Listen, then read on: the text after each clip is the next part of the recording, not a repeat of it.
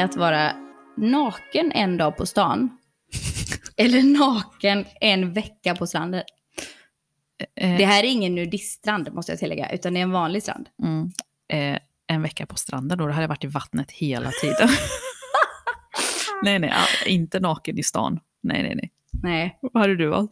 Nej 100% stranden. Ja. För jag hade tänkt att jag lägger mig och så har jag en liten handduk Mm. och så borrar jag ner mig lite i sanden. Jag tänker också det, typ att jag gräver ner mig i, i sanden och inte syns typ. Ja. Mm. Man kan inte stå på stan naken. Nej. Skulle du välja att alltid göra ett visslande ljud innan du pratar? Eller alltid blunda medan du pratar? Eh, jag kan inte vissla. Åh herregud. Nej, jag, jag, kan, jag kan inte vissla. Jag är jättedålig på det. Eh, men jag hade nog valt att göra ett visslande. Åh, shit. Innan Jag varje tänker- ord, jag- nej, innan varje mening. Innan, varje, innan varje gång du ska börja prata. Så jag tänker att det hade låtit som så. Här. Och sen börjar du prata. Eller blunda. Ja, då måste du blunda hela tiden när du pratar. eh, shit. Bl- blunda tror jag hade varit mindre jobbigt för den som jag pratar med. Eller? Jag tänker att det är jättestörigt att någon sitter och blundar Visst. när man pratar med dem och inte kan ha ögonkontakt. Men att sitta och vissla alltså. Jag hade ju fått flipp. Alltså det kommer ett litet visslande ljud. Det kommer så här. Nej.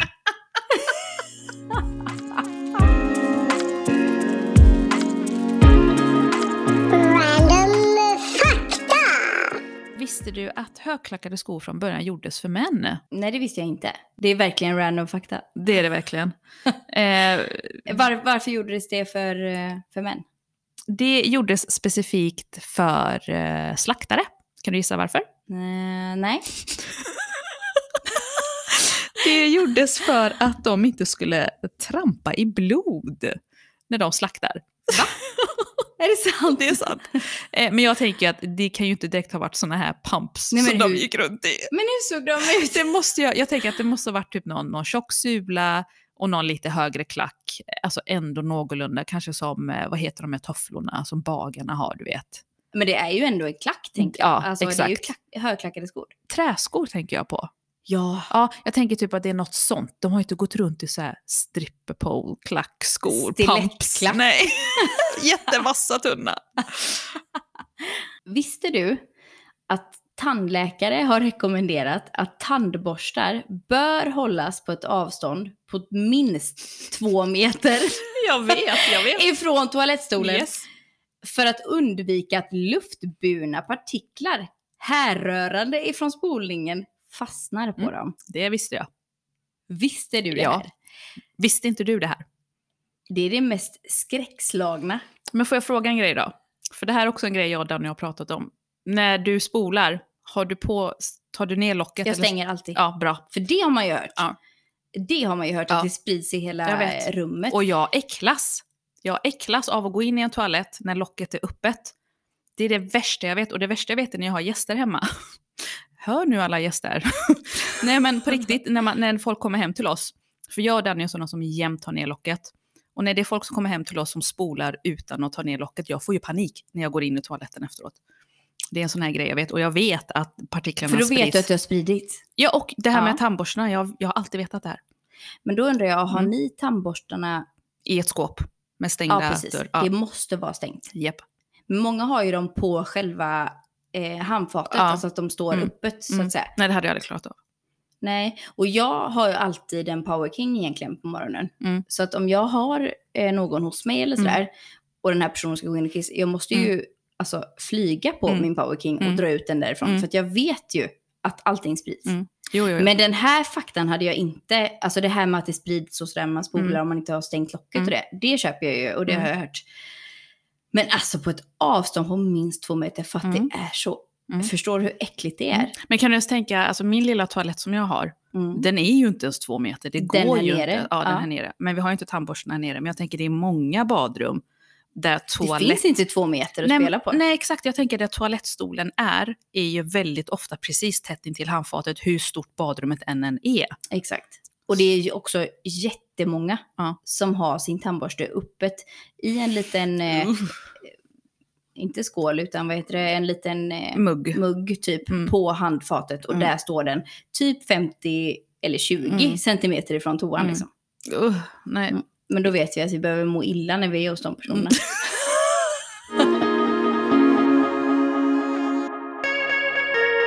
Vi har ju delat med oss av att du har eh, gjort en ADHD-utredning. Mm. Eh, och du har ju faktiskt fått svaret nu. Yes, jag fick mitt svar igår faktiskt. Eh, och eh, jag fick diagnosen ADHD, eh, typ hyperaktivitet. Så nu har jag fått min dom. Och hur känns det nu? Ehm, alltså det känns... Det sjuka är ju att jag fuskade ju. Jag gick in på 1177 dagen innan, för jag, Jag kunde ju inte hålla mig. jag fick ju Så sån panik. Ja, men jag var ju så nervös. Och så kände jag bara att jag, jag, jag klarar inte av det. Jag är jättenervös, jag är jättestressad. Jag, om det går att få reda på det innan så måste jag veta så att jag kan ställa in mig på det här under mötet. Annars kommer jag ju sitta och vara ett vrak. Så jag chansade, jag loggade in på 1177 sent på kvällen. Och då hade de ju skrivit sina anteckningar och eh, diagnosen där och då såg jag ju att jag hade ADHD, eh, typ hyperaktivitet. Och jag var ganska inställd på att det var den jag skulle få med tanke på att när jag pratade med min läkare så sa han att det är det det lutar sig åt, så jag blev ju inte alls eh, chockad. Men jag blev ju nervös. Jag blev ju liksom så här, va? Stämmer verkligen det här? Nej, nej, nej.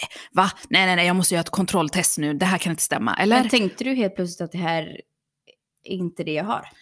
Ja, plötsligt fick jag för mig att nej, nej, jag har inte det här. Jag fick någon sån här imposter-syndrom där jag kände att nej, Vad nej betyder det? Imposter syndrome? jag tror att det betyder att, liksom att jag eh, inbillar mig, att, att eh, jag, är, jag ger sken av att vara någonting jag inte är. Och då tänkte jag direkt så här, nej men herregud, har jag påverkat resultatet? Har jag betett mig på ett sätt för att få det här svaret?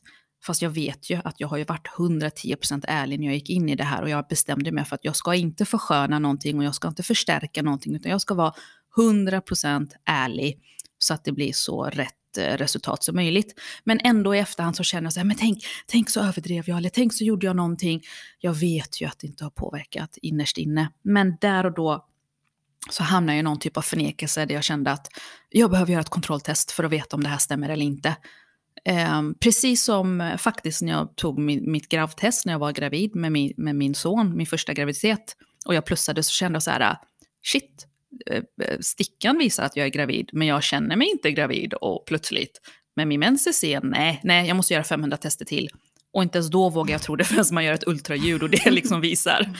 Eh, så jag hamnade ju, eller är inte längre, jag börjar släppa det nu ju mer jag tänker på det och pratar om hur diagnosen har gått till och sådär. Att ja, ja, jag ser ju att det är självklart att jag har det.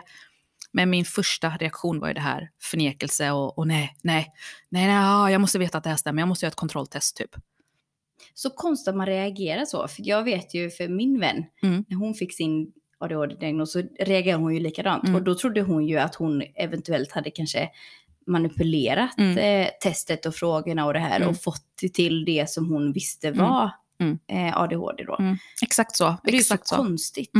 Jag vet, och jag, prat, jag skrev ju det till min, eh, min kusin som jag vuxit upp med.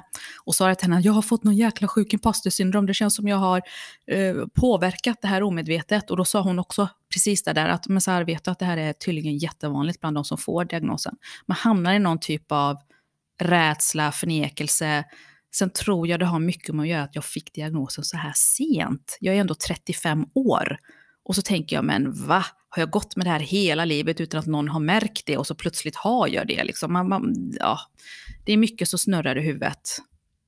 Det blir en typ av chock. Ja. Ja. Det är ju väldigt vanligt, alltså det har man ju läst om, Mm. att det är väldigt vanligt att kvinnor just eh, får sin ADHD-diagnos Mm. väldigt sent i livet. ja, exakt. Jag tänker att det handlar om en massa olika saker. Mm. Bland annat så har jag ju läst om att det har att göra med eh, hormoner, Mhm. mycket. Mm. Eh, att det dels handlar om, det är ju puberteten och Mm. det är ju kanske eventuell graviditet, Mm. eh, amning, Mm. klimakterie. Mm. Att det också har en hormonell inverkan som inte då ju finns på män. Mm. Eh, men också att det handlar om livet på något sätt. Mm. Att det är där det kommer in då. Mm. Ofta sent för tjejer. Mm. Vad var det för din del som eh, var dina största svårigheter? Vad var det som utmärkte sig för dig? Eh, jo, alltså det var ju att jag drabbades ju av väldigt mycket stress och ångestsyndrom. Eh, och de eskalerades ju väldigt mycket med tiden. Eh, men i början så kände jag ju alltså bara de fysiska besvären. Jag kände ju inte alls att jag var liksom stressad och att jag hade ångest och mådde dåligt psykiskt. Utan jag kände ju först och främst att liksom, nej men jag, jag har någon extrem trötthet och jag är orkeslös och jag fick ju yrsel väldigt ofta och Eh, min puls var hög och jag hade hjärtklappningar. Eh, och det var ju det jag sökte hjälp för eh, från början. Och då fick jag ju höra då att nej men det här låter ju som stress, sa de ju till mig. Eh, och jag sa ju det, nej jag är inte stressad, skyll inte på stress, jag vill att ni utreder mig, ha koll på, min hjärt på mitt hjärta, liksom gör alla undersökningar, det är någonting fel på min kropp, det är no jag är inte frisk. För att jag mår inte bra och jag är trött och jag orkar ingenting och liksom, jag mår inte bra fysiskt. Så skyll inte det här på att det är stress. Liksom, jag tjafsade jättemycket med läkaren om det här. Var det då du hade också eh, de gjorde EKG-test på dig till slut. Ja, precis. Så att jag fick ju gå runt med sån här 24 timmars EKG-mätare. Eh, eh, och de skulle kolla mitt hjärta och såna här grejer. Eh, och det visade sig att det var ju bra, men jag hade ju extrem hög puls då. Och då trodde de ju att ja, men det, det är på grund av stress. Och då sa jag det igen att nej, jag är inte stressad. Eh, jag gör ingenting mer konstigt i mitt liv än vad någon annan gör. Visst, jag har två barn och jag har jobb. Eh, men jag gör ingenting mer än vad någon annan gör i samhället. Så varför ska jag vara stressad eller mer stressad än någon annan? Ehm, så jag sa ju det att eh, nej, jag, jag, vägrar eh, tro att det här är stress. Ni måste utreda mig ännu mer. För jag trodde typ att nej, men jag har cancer. Jag fick ju, vad heter det, hypokondri. Liksom. Det är någonting fel på mig. Jag har yrsel i det ena, det andra. Jag ville att de skulle göra en full body scan. Liksom. Jag har en tumör någonstans, jag är döende. Um, men de gjorde ju hälsoutredning och undersökning och allting och testerna visade ju enbart bara på hög puls då. Som de sa att de trodde berodde på stress då. Um, men jag märkte ju sen då att eh, på jobbet då så drabbas jag ju plötsligt av ångestattack. Eller ångestattacker och jag fattar inte riktigt vad det är. Eh, men jag, jag minns den gången det var som värst då, då började jag ju gråta och jag började skaka och jag började darra i hela kroppen. Jag får svårt att andas. Och det är där och då jag börjar förstå att det är någonting psykiskt. För så här har jag inte känt innan. Um, och liksom det här var ju en, en stark ångestattack som jag fick på jobbet. Så jag låste ju in mig på toaletten och ringde till Danny och sa att jag kan inte andas, jag mår inte bra. Eh, det, det är någonting som händer nu. Och direkt efter det så fick jag ju tid hos min läkare då. Och då bröt jag ihop. Och där sa han ju att jag måste sjukskriva det för utmattningssyndrom. Eh, för det är det det låter som.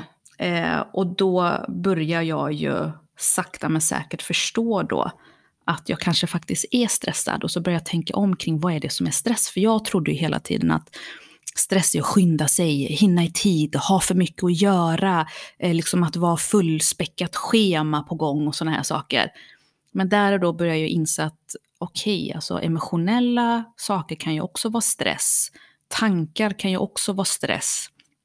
Eh, att vilja liksom, att hjärnan är igång hela tiden och tänker och aldrig slutar tänka är också någon form av stress. Och jag börjar ju förstå att, jag, eller jag börjar definiera om vad stress faktiskt innebär. Och så börjar jag förstå att okej, okay, jag är ju jättestressad utan att ha förstått att det här är stress. Men hur, hur mådde du i din, i din vardag? Alltså du hade den här ångesten och den här stressen och hur fungerade du? Ja, alltså det jag kan se nu i efterhand som jag inte kunde se där och då, vad det var som liksom gav mig ångest, det är ju det att jag insåg att jag har ju svårt att få ihop vardagen med all ansvar över barn, skola, förskola, jobb, att laga mat, att handla hem saker. Allt sånt där var överväldigande för mig. Allt sånt gav mig en sån himla men stress och press. Och, och, och liksom... Men kände du då att här, jag, har, jag har svårare än andra att hantera detta? Eller tänkte du, vad, vad, kände du kring att det var jobbigt för dig? Hur var det jobbigt för dig? Ja, men jag kände att det, det var för mycket. Jag kunde inte hantera det. Det var för mycket ansvar parallellt på en och samma gång med varandra. Och jag kände att jag blir så ut, jag kan inte fokusera på alla de här sakerna. Det var för många bollar i luften för mig. Eh, och då tänker man liksom, men vadå, laga mat och handla mat, det är ju helt vanliga saker man ska kunna.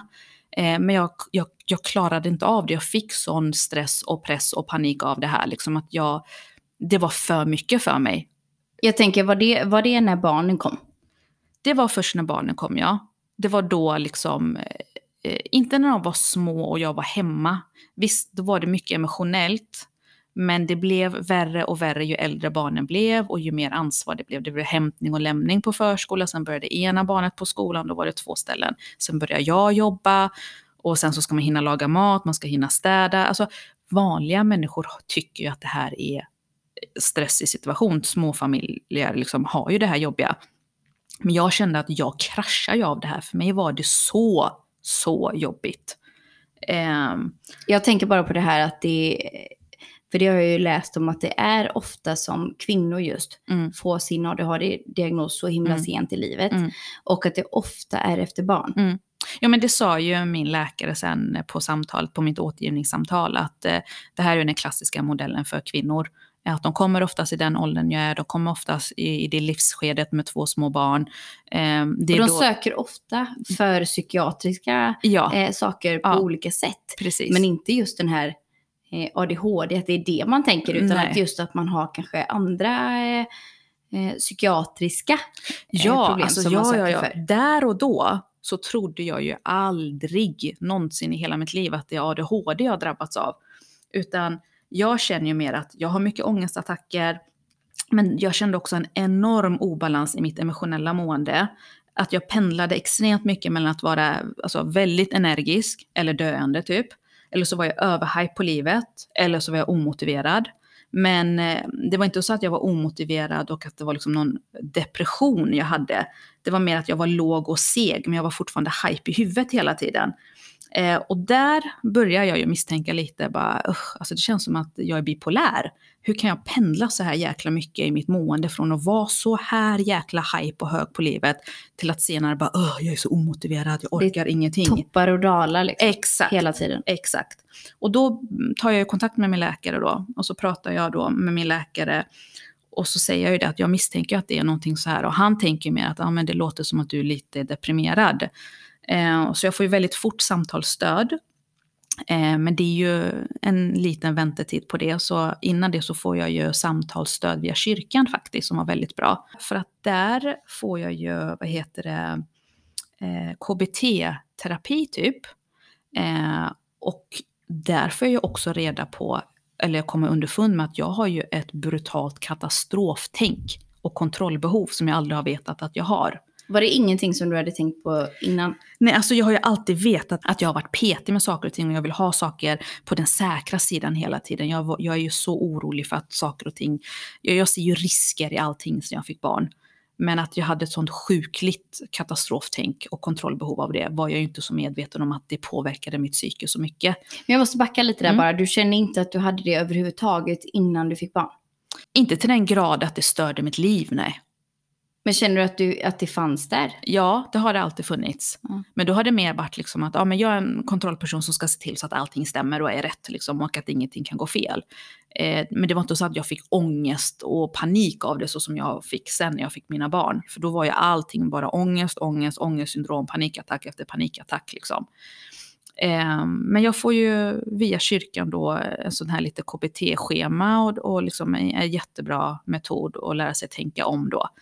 Um, och sen får jag min, eh, min psykologstödsamtal eh, via vårdcentralen då. Och efter några samtal så säger hon ju ganska direkt att nej men så här, du är inte bipolär, släpp det. Eh, och, men det är inte så att hon gör en utredning på mig, men baserat på min historia och vad jag berättar och sådär så säger hon att jag tycker verkligen inte att du verkar ha någon form av bipolär sjukdom liksom. Eh, så jag ställer mig in på att ja, men jag är ju bara en ångestladdad människa som har massa ångestattacker plötsligt och det är säkert på grund av min utmattningssyndrom. Så jag går ju all in i tanken på att ah, ja, men jag är väl en utmattad människa.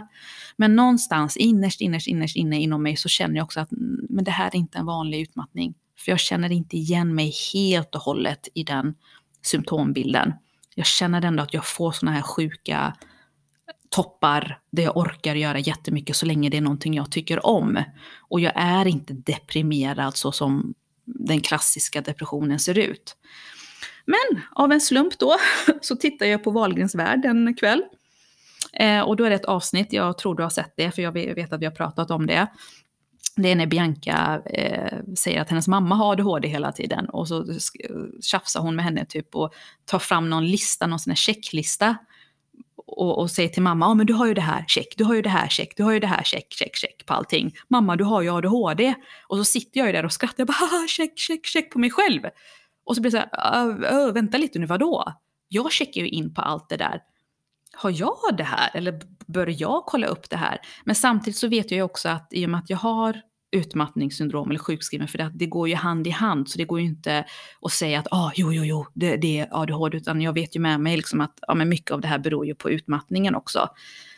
Um, men eh, sen är det ju det här också att jag ser ju stora drag av det hos mina barn. Eh, och jag känner liksom att det beteendet som de har och, och de här dragen, det är ju exakt så som jag själv var som barn och så som jag är idag. Så där får jag ändå den här tankeställningen kring att jag vet ju att det är ärftligt. Kan det vara så att det är mig de har ärvt ifrån? Det är ju faktiskt starkt ärftligt också. Det är alltså väldigt det är ju, starkt ärftligt. Det har ju en väldigt stor påverkan egentligen, det mm. ärftliga. Mm, det har det verkligen. Eh, så där har jag ju det i bakhuvudet ändå. Liksom. Men tänk så kan det finnas en chans att jag har det och att det från mig barnen har ärvt det här. Nu har ju inte mina barn en diagnos, men det finns väldigt tydliga drag kring att de har det. Och, och när de gick i förskolan så var det prat med specialpedagog. Så men jag tänker inte gå in på mina barn just nu, men det finns där i alla fall. Eh, men sen när jag har eh, uppföljningssamtal med min läkare då, så tar jag ju upp det här och säger liksom att ja, jag har någon tanke av att det här kan vara någonting jag har. Och då så ger han ju mig en sån här skattningstest då. Och då skattar jag ju väldigt högt på den. Och han ser ju liksom att ja, du, du ser ut att liksom fylla kriterierna för att kunna behöva göra en utredning. Eh, men han ville ändå att jag skulle skriva ett brev till honom där jag förklarar mina besvär i vardagen och liksom vad mina svårigheter är. Eh, och på djupet liksom verkligen gå all in på vad är det som är svårt för dig i livet. För de tar ju inte in vem som helst. Det måste ju vara någon som har stora besvär. Och med min historia på vårdcentralen, med min läkare och i min journal så ser man att jag har ju ganska väldigt mycket besvär. Men ändå så fick jag skriva det här brevet då och efter det så godkände han det. Och då skickade han remiss till eh, psykiatrienheten. Eh, och där fick jag ju också göra massa skattningstester innan jag ens blev, blev godkänd för att få göra en utredning. Så första gången jag kommer dit så är det liksom intervju, eh, skattningstester, de gör också massa hälsotester, de drogtestar mig. Eh, allt för att utesluta så att eh, liksom, det är inte andra besvär jag har som påverkar mitt psyke. Eh, så man har ju verkligen utretts i omgångar av massa olika människor. Det är noggrant. Det här, liksom. Väldigt liksom. noggrant. Det är nästan så att jag blev nöjd. Jag bara, har jag tagit droger? Jag har aldrig tagit en drog i hela mitt liv. Men jag sitter ju där och bara, herregud, tänk så kommer det ut någonting. Liksom. Fast det där är ju exakt som när man sitter och, och kör bil. Oh. Och så ser man polisen oh. bakom sig och tänker bara, åh gode gud, oh, har jag vet. druckit? Jag vet. Man vet att man inte har druckit. Och jag, jag var ju så nojig liksom. Ja. Eh, och med det, samtidigt så kände jag, ah, men om det inte är psykiskt eller neuropsykiatriskt så kanske de hittar att det är något fel på mitt hjärta. Eller de kanske hittar att jag har någon jäkla sjuklig blodsjukdom, vad som helst. Så jag satt och bara hoppades på att bara få ett resultat som gav mig, liksom, det här är vad du har. Ta de här, de här pillerna i tre veckor så blir du frisk. Det här kan du göra åt det. Exakt. Liksom. Eh, men jag skattade ju högt på de testerna också. Och då blev jag eh, vidare remitterad till utredning då. Eh, och då var det ju sex månaders väntetid plus lite till. Eh, och det var så det gick till. Det var en väldigt lång process innan jag ens blev godkänd för att få göra en utredning. Hur såg din utredning ut? Alltså när du väl fick den och fick göra den, vad, vad var det för typ av tester? Vad fick man genomgå? Mm. Eh, då var det så här då att eh, det var tre dagar i rad. Jag fick ju faktiskt göra en extra omgång, men det kan jag komma in på sen. Um, det var tre dagar i rad och så var det fyra timmar per pass. Alltså det var väldigt intensivt. Um, och det var liksom uh, både intervjuer och olika sorters tester. Jag tror att det är typ begåvningstester det var. Uh, och de intervjuar ju också uh, en anhörig. Eh, och då testar de ju typ arbetsminne, man får testa liksom eh, pussel, olika mönster. Eh, de lägger fram typ ett, ett, motiv med olika klossar och så ska jag härma det motivet och så går det på tid och så ska de se hur många liksom, mönster jag klarar av att utföra. Eh, och liksom olika symboler och siffror och massa grejer då. Eh, och det gick på tid vissa och det fanns olika regler. Ibland var det liksom frågor som han sa som jag skulle lösa eller grejer jag skulle repetera. Och som jag skulle komma ihåg. Och så kunde han bara upprepa det en gång åt mig. Och sen var jag tvungen att lösa det och sen så gick det på tid och så var jag tvungen att gå vidare då. Um, och då vad, vad, fick du för feedback på det? Alltså vad blev eh, ja, dina styrkor och dina ja, brister då? Det som jag var väldigt, väldigt stark på då, det var ju det här med pussel och form och det här visuella. Eh, det klarar jag ju alla. Eh, och det var liksom min starka, det skattade jag, eller det fick jag höga poäng liksom, över medel. Eh, och sen så var det hastighetstest då som jag fick extremt hög på tydligen. Um, och det här hastighetstestet var ju då att det, det var ju flera sidor papper, ett litet häfte då, tänk er nationella proven som man fick. Uh, och så står det kanske 1, 2, 3, 4, 5, om det var 6, 7, jag kommer inte ihåg hur många siffror det var, men under varje siffra så var det en symbol. Så under ettan kanske det var en triangel med ett streck under, på tvåan kanske det var uh, en kvadrat med en cirkel i, på trean så var det ja, men typ någon egyptisk form, massa olika. Och så på alla de här um, sidorna så var det massa siffror, alltså 1, 2, 3, 4, 8, 3, 2, de, massa olika ordningar i alla fall. Och så skulle jag snabbt, jättesnabbt och så fort jag kunde eh, markera rätt symbol under siffrorna då. Och då sa han det att det viktigaste här är att du gör det här så fort som möjligt men också att du gör rätt. För gör man fel så dras det av poäng. Och den här gjorde jag ju då tydligen väldigt, väldigt snabbt jag kom ju till sista sidan och lyckades göra en del av sista sidan. Och han sa att det är inte många som ens lyckas komma så långt. Eh, jag fick tre slarvfel som drog ner mitt snitt. Men trots min hastighet då så kom jag ikapp det. Så att jag fick så höga poäng att han sa det att han, jag har inte varit med om det här innan. Det finns, under alla år jag har jobbat här så är det bara en person jag har stött på som har varit i den här nivån. Um, så att han var ju väldigt förvånad över hur, hur snabb jag var. Eh, och så fin det finns en sån här kurva, en median medelkurva. Där liksom det finns en mittenkurva och sen så är det en viss procent på höger sida, en viss procent på vänster sida då. Eh, och är man extremt, extremt, extremt på den vänstra sidan, låt säga 10% av befolkningen hamnar där, då, är man, då har man ju någon form av förståndshandikapp eller någonting om jag har förstått det rätt nu då nu är, nu är inte det här alls säkert att det stämmer, men något sånt har jag för mig att det var. Och är man i mitten av den här kurvan, då är man där medelantalet är liksom det majoriteten är. Och är man längst ut, då är man där resterande unika 10 procentarna är, som har jätte, jättehög begåvning inom det här då. Och hade det varit ett IQ-test är det de som hamnar på typ mensa-nivå.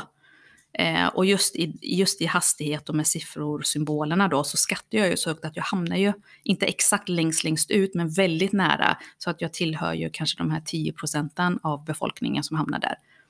Du är ju Rain Man. jag vet, det var ju det jag tänkte när jag fick höra det. Jag bara, oh shit, jag har någon jäkla Rain Man. Jag, jag blev liksom stolt på något sätt. Bara, wow! och det tycker jag att du ska vara. Ja, och jag, mm. saken är att jag är ju så tävlingsinriktad. Så när jag gjorde de här testerna så sa jag till min psykolog att jag tycker det här är så roligt. Mm. Han bara, det är bra att veta.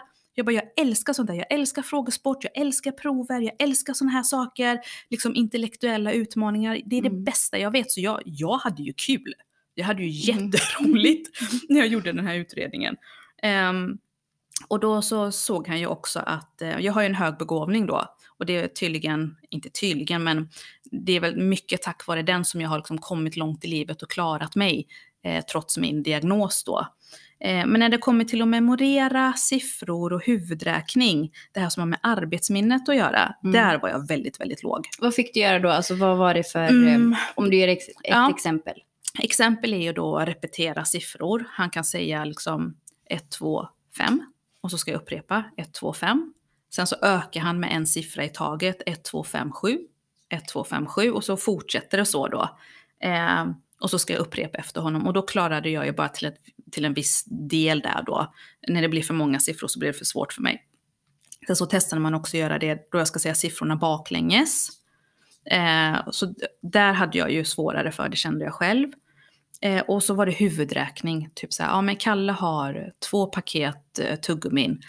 Eh, han har si och så många vänner som han delar ut det här till, sen får han det här. Alltså huvudräkning i olika segment då. Där hamnade jag ju väldigt under medel. Och även där så fick han inte återge eh, själva Nej, jag kommer inte ihåg det. Eller om det var liksom... Lästalet, Nej, så att säga. nej, jag Nej. tror inte det. Eller om det var en gång han fick säga det och sen... Nej, den fick han nog inte säga. Eh, och jag fick ju inte heller använda papper och penna. För det var det jag sa. Jag bara, men jag behöver papper och penna till det här. Jag kommer aldrig kunna förstå det här liksom. Eh, för jag behöver skriva ner det och komma ihåg det. Men det fick man ju inte då. Så där hamnade jag ju långt under. Sen så gjorde jag ju också slarvfel på de grejerna. Typ om jag visste, ja men 5 gånger 4 är ju 20. Och så gav jag svaret 21 typ. Och då sa han det, han bara du sa ju, du, jag hörde ju på det att när du räknade så var det ju rätt men du ger mig fel svar. Hur kommer det sig liksom? Så jag bara, jag vet inte. Det, det liksom bara flög ur. Men när det är siffror så blandar jag, det är som dyslexi med bokstäver, du vet när man ställer om. Så är jag med siffror. Även om jag räknar rätt så kanske jag vräker ur mig fel svar typ. Eller skriver ner fel svar. Men du är ju också väldigt snabb. Jag är ju snabb. Och då blir det att jag gör slarvfel, för Ja. jag tänker för fort. Ehm, så typ, så såg testen ut. Och så var det ju mycket intervjuer också då. Eh, kring massa grejer. Eh, men jag utreddes ju också för autism, eftersom jag skattade högt för det. Och så utreddes jag ju, just det, det var det här att jag fick ju göra en extra omgång. För att i sista dagen på min utredning så pratade jag ju om det här. Han bara, vad har du själv känt? Och så sa jag, nej men jag har ju aldrig trott att jag har ADHD. Jag har alltid trott att jag är bipolär. Så han tog ju fram liksom lite lättare, eh, vad heter det, skattningar på dem. Eh, och så såg vi att nej men bipolär är jag ju inte, för jag är ju inte manisk och jag är inte jättedeprimerad. Han bara, men det finns ju en annan typ av liknande sjukdom som är en mildare variant av bipolär som tidigare var känd som borderline.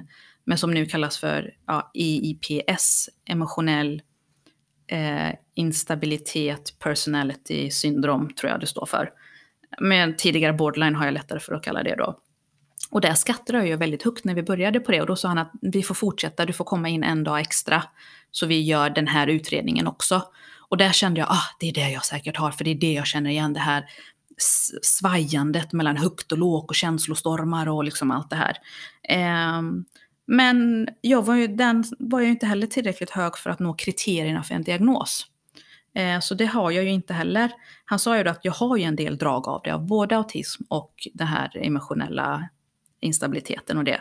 Eh, Men det kan bero på andra saker som eh, PTSD och trauma och sådana här saker. Men min riktiga eh, garanterade diagnos det är ADHD med hyperaktivitet då. Nu har inte du hunnit berätta det här för så himla många. Nej. Men hur, hur upplever du att mottagandet har varit hos dem som du har sagt det till? Ja, alltså mina närmsta vänner har ju vetat att jag går en utredning, eller många i min närmsta omgivning vet ju det. Eh, och när jag sa till dem att det var det jag hade, hälften var ju så här, ja men vad skönt, vad bra, det måste kännas för dig och nu äntligen ha svar. Eh, några säger, ja men jag visste ju det här, det är självklart att du har det, det, det har jag alltid vetat att du har. Medan hälften är mer så här, va, jag trodde aldrig att du skulle ha det här, hade jag aldrig kunnat tro. Och så får man ju också höra väldigt mycket där, men du som är så lugn. Jag hade aldrig kunnat tro att du har det liksom. Fast eh, jag har ju det, tydligen. Mm. Och jag tänker att skenet bedrar ju. Man lär ju sig, eller jag har ju lärt mig väldigt tidigt att maskera det här sedan jag var liten. Så att man vet ju hur man ska bete sig bland folk. Fastän man har kaos inom sig liksom. Och man bryter ihop inombords. Men man har lärt sig maskera sig utåt. Och det tror jag är ganska klassiskt för just kvinnor överlag. Jag tror också att det är lite klassiskt för... Eh, vi vet ju att det finns mycket ADHD-myter. Mm.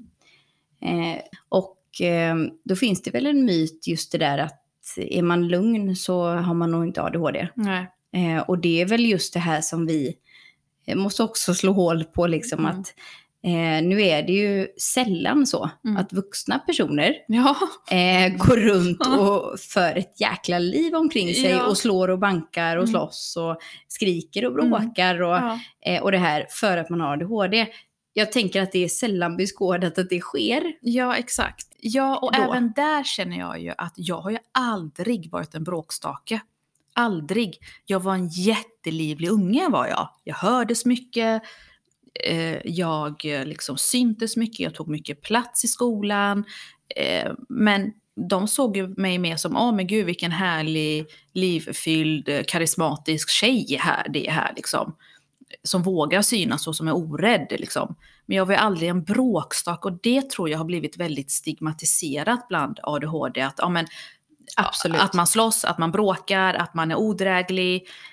Att man har sociala problem. Ja, Och, Ofta. Ja, och visst, det kan te sig så för en del, men långt ifrån för alla. För att jag vet ju fort, jag är ingen douchebag bara för att jag har ADHD. Jag, jag, liksom, jag, jag, jag är ingen bråkstake, jag har aldrig varit det. Men jag har ett inre kaos, speciellt med det här hyperaktiva i, i tankarna och i min kropp. Men det innebär ju inte att jag är en Duracellkanin 24 timmar om dygnet och att jag klättrar på väggarna och sådana här grejer. Däremot kan man ju höra det på när jag pratar det säger ju många i alla fall, att jag pratar ju väldigt fort och jag snubblar ju på mina ord för jag tänker ju racerfart i huvudet och munnen hinner inte med. Och jag märker ju det när jag sitter och skriver för hand. Det är därför jag älskar att skriva på datorn för att det går fort. Men sitter jag och skriver för hand så hinner ju jag inte ikapp mina tankar och mina ord. Så ibland så blir det att jag skriver ihop två ord till ett. för att det går så fort i huvudet. Men eh, med motoriken hänger jag inte med. För tankarna går så fort det är racerfart i huvudet hela tiden. Men jag, är, jag, jag kan sitta och se förstelnad ut i soffan. Och se ut som att jag är döden själv. Alltså Men jag har ju heller dig. aldrig sett en person skriva så här fort på mm. tangenter som mm. du gör. Mm. alltså, jag fick en chock ja. när du första gången framför mig ja. skrev på tangenterna ja. på datorn. Och det är det snabbaste jag sett i hela mitt liv. Och jag tänker liksom ett exempel då på min hyperaktivitet som du har fått vara väldigt mycket offer för. Det är ju typ så här när vi pratar om någonting och så har jag tusen tankar i huvudet. Och så hinner jag skriva det till dig, att oh, jag har en tanke kring det här. Eh, eller nej, jag, jag, känner det här, att det här var nog inte bra. Eller vad tror du? Och så blir det att jag konverserar med mig själv, för du har ju inte ens hunnit se det första meddelandet och svara mig. Innan du hinner se det så hinner jag ju skicka dig typ 30 meddelanden där jag pratar framåt och bak med mig själv och kommer fram till en slutsats själv. Och sen så hinner jag radera 25 av de meddelandena för jag känner att det är ju ingen idé hon läser det här för jag, nu har jag redan hittat min lösning. Och så kommer du sen bara, ja jag älskar att du har raderat 25 meddelanden, undrar vad, du, vad, vad som stod där liksom. Men det, det är ju impulskontrollen, att jag ja. där och då måste säga det jag tänker på och liksom ja. vädra det ut direkt. Ja. Så på så sätt så märks det på mig, enligt vissa då. Eller att jag pratar fort och att jag pratar i, i liksom ton hela tiden, fram och tillbaka. Och jag viftar med armarna och det är väldigt så här passionerat. Medan jag i mitt huvud tänker att, eh, va? Va? Jag pratar helt vanligt. och så hör jag mig själv, jag hade ingen aning om att jag lät så här. Nej, och jag tänker att eh, det här yttrar ju sig otroligt olika, det vet mm. vi ju, på eh, pojkar och flickor, mm. kvinnor och män eh, att det ter sig väldigt, väldigt mm. olika. Mm. Eh, och eh, det hänger väl ihop med den myten, tänker mm. jag. Att man är väldigt utåtagerande, mm. att man är väldigt eh, extrem. Ja. Och att man eh, syns och hörs hela mm. tiden. Och att är då eh, den här kvinnan lugn då, så kan det inte vara så att hon har ADHD. Mm. Mm. För det hänger inte ihop med det. Eh, och då vet man ju via forskning att det skiljer sig från kvinnor och män. Mm eh, hur det tar sig uttryck med ADHD. Mm. Och det är ju det här som är lite intressant också. Mm. Hur det uttrycker sig. Och det är också därför vi kvinnor ofta mm. får det här senare i livet. Mm. Sen hänger ju det ihop med lite grann som du var inne på förut, mm. att man maskerar det också. Ja. Och att man kanske har lättare att göra det mm. som kvinna. Och att man eh, vet att det finns en förväntad bild, vilket gör att man också maskerar sig ännu Precis. mer. Och så visar det sig istället på andra sätt i kroppen. Och det är ju mycket, för det, det har jag också läst om det här att, och det vet vi ju med barn då, att det är just att den här rastlösheten som är motorisk i kroppen, mm. som man ser så tydligt mm. på de här barnen, att, att det rör sig i hela kroppen, mm. jag kan inte sitta still. Mm. Och vi vet ju det hos vuxna personer och framförallt kvinnor, mm. att det rör sig om inombords istället. Att mm. det är där det är rastlöshet, det är där det rör sig och det syns ju inte utanpå. Så det här, just den här myten som du tar upp, att man säger att men hon som alltid är så lugn, mm. eller du som alltid är så lugn, mm. eh, den eh, har ju ingenting med det att göra för att det är ju inombords som ja. det här sker. Och sen kan jag ju säga då liksom att eh, om man ska prata fysiska då, en period var jag så här, jag möblerade om hela hemmet varje vecka. Typ när Danny kom hem, han bara, vad fan, nu hänger det en ny tavla, nu har du bytt gardiner igen, nu har du flyttat på soffan dit, nu hamnar tvn där. Jag möblerar ju om hemmet jättemycket, hela tiden. Gjorde om i barnens rum, gjorde om saker och ting. Så så tedde ju sig min hyperaktivitet och min impulssvårighet, liksom att jag bara flyttade runt saker plötsligt från en dag till en annan. Till slut gav han ju upp. Han bara, gör vad du vill nu, häng upp vilken tavla du vill. Han hjälpte ju inte mig till slut. För att jag gjorde allting själv, för att det ändrades hela tiden ändå. Och sen så är det ju det här också att det som vi pratade om innan, att det här med somatiska besvär i kroppen. Att på kvinnor så ter det sig så istället. Eh, att eh, man får mycket eh, fysiska åkommor när man har ADHD. Och det är ju främst kvinnor egentligen. Ja. Alltså det har man ju läst om att, eh, för det första, det, här, det som också är så himla intressant är ju att det finns ju nu, för förr så, så ägnade man ju inte så mycket forskning åt just eh, ADHD kring kvinnor Mm. eller flickor eller sådär. Eh, nu finns det ju forskning som visar att dels då Mm. att risken för att utveckla missbruk och kriminalitet är så mycket mindre hos kvinnor än Mm. hos män. Mm, Just exakt. med ADHD. Mm. Bara den är ju jätteintressant. Vad är det som gör att Mm. vi då kvinnor inte kanske har samma, löper samma risk då Mm. på något sätt och, och utsätter oss själva för det. Mm. Eh, och sen så är det ju också då att kvinnor har alltså större, alltså löper Mm. större risk, eh, till skillnad från män då, Mm. eh, att ha en hög grad av somatisering, alltså att det blir kroppsliga Mm. symptom. Eh, och, Och- många har ju då egentligen hög ångestnivå, alltså Mm. det är ju det som främst eh, kommer fram. Mm. Och det är ju inom psykiatrin Mm. och att det är därför också som man söker egentligen. Eh, och det är då det kommer fram att Mm. man har ADHD. Mm. Och det, det, det var ju så det var för mig. Jag gick ju runt och trodde att jag hade cancer, eller jag har besvär med hjärtat, eller jag har besvär med det här och det ena och det andra. Och sen, nu kommer jag inte ihåg om jag redan har sagt det här, men läkaren sa ju till mig att du är ju en klassisk patient för oss. Eh, En kvinna, sa jag det här? Nej, jag tror, Nej. jag tror att det är du och jag som pratar om det. Jag vet inte. och, då, ja. och då sa hon att du är ju klassisk eh, vad heter det, patient här då. Eh, en kvinna i 35-årsåldern, två barn, jobb, Eh, liksom småbarn, skola. Det är oftast vi som blir upptäckta nu för att det är nu vi når våran peak. Liksom det är nu det blir för svårt för oss att hantera vardagen. Eh, och det här med de här fysiska besvären. Min teori kring det är ju just för att vi maskerar oss så mycket. All den här energin som andra kanske flippar, slår saker och ting, skriker, får utlopp för. De pyser ju, ventilerar sig. Vi som inte gör det, som går runt och maskerar oss, det, den energin är ju kvar i kroppen. Och den har ju ingenstans att ta vägen. Så jag tror att det är den energin som gör att ja, men det ter sig att det förvandlas till huvudvärk, det förvandlas till yrsel, det förvandlas till hög puls, det förvandlas till ryggbesvär, nackbesvär, alla de här fysiska besvären man får tror jag kommer från att vi maskerar oss för mycket så att vi kan liksom inte pysa ut den här jobbiga energin. Och det är det jag känner att jag har börjat göra nu. Och det var det jag sa till er häromdagen, liksom att ah, nu kommer ni ju tro att jag beter mig ADHD-aktigt bara för att jag har fått diagnosen. Men det handlar om att jag har valt att sluta maskera mina problem för att jag känner att jag behöver pysa ut mina besvär så att inte jag kraschar när jag kommer hem som jag har gjort innan. Jag kan inte gå runt och hålla på och maskera mig, jag måste få vara sann mot mig själv och mot alla andra runt om mig. Och nu vågar jag vara det för att nu har jag en diagnos. Så att det handlar inte om att ah, men, oh, nu har hon hört att hon har ADHD så nu ska hon spela ADHD. Nej, nu handlar det om att nu är jag ärlig med att säga att jag har faktiskt svårt för det här nu och det här är jobbigt, nu kliar det i kroppen på mig. Innan så visade jag inte det, jag maskerade mig och så bröt jag ihop hemma istället. Nu visar jag det där och då direkt för att kunna vara människan när jag kommer hem sen liksom. Men fan Martina, jag känner att vi har pratat så tungt nu. Kan vi göra någonting roligt? alltså jag är så utmattad, jag är så trött på att höra min egen röst. Men du ska Ja. få frågor av mig. Ja, tack. Okej. Är du beredd? Ja.